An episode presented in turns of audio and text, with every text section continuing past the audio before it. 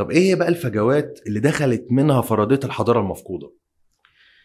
آه سؤال جميل. يعني مثلا على سبيل المثال ال- ال- الفجوات مثلا ما بين ملك والتاني. أحيانا بنلاقي مثلا حاجات بتقع. يعني أنا ما أعرفش مثلا تسلسل مثلا فترة معينة وليكن مثلا فترة ما بعد سقوط الدولة القديمة بعد الأسرة السادسه أنا ما أعرفش بالتقريب إيه اللي يعني ما أعرفش بالظبط. أنا عندي فكرة عامة عن انهيار اجتماعي حصل وثورة عارمه و... وانفلات أمني حصل استمر الأسرات من سبعة وثمانيه وتسعة وعشرة. بس ما أعرفش إيه اللي حصل بالظبط ما نعرفش. ما عنديش تفصيل لأن أنا ما عنديش مصادر. هنا تظهر بقى تظهر بقى الحاجات اللي في النص بقى اللي هي الغريبة دي. يعني على سبيل المثال يعني هو في ناس مثلا حاولت زمان ان هي تربط فكرة واقعة الخروج خروج بني إسرائيل بالفترة دي. مم. إن هي كانت يعني كانت آه، كانت معاصرة لانهيار الدولة القديمة. وعندنا يمكن مصدر وحيد أو من المصادر القليله قوي اللي هي برديه ايبوير أو إيب العجوز.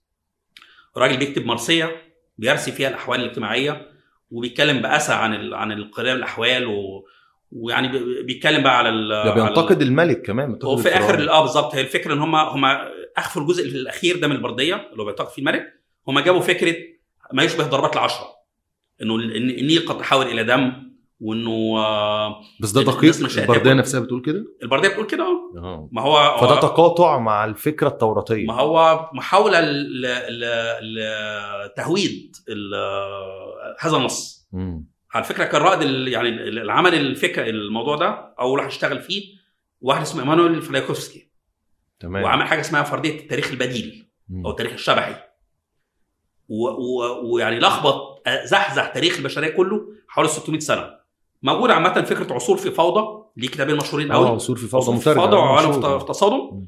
وطبعا هو بي يعني هو بيعتبر دلوقتي من العلوم الزائفة بره يعني بينظر إليه ك- كرمز وكمثال حلو قوي لل pseudo science أو العلم الزائف. بردية إيبور بتقول إن النهر اتحول لدم. مش ده تشابه مع اللي بتقوله التوراة؟ عن فكرة الضربات العشر أو اللعنات العشرة؟ تمام. هي الفكرة بقى في السياق. يعني؟ هو يعني من الناس ال- ال- اللي استغلت ال- ال- الموتيفه دي بيسموها موتيفه في الأدب موتيفه واحدة بس لكن في سياق مختلف تماما.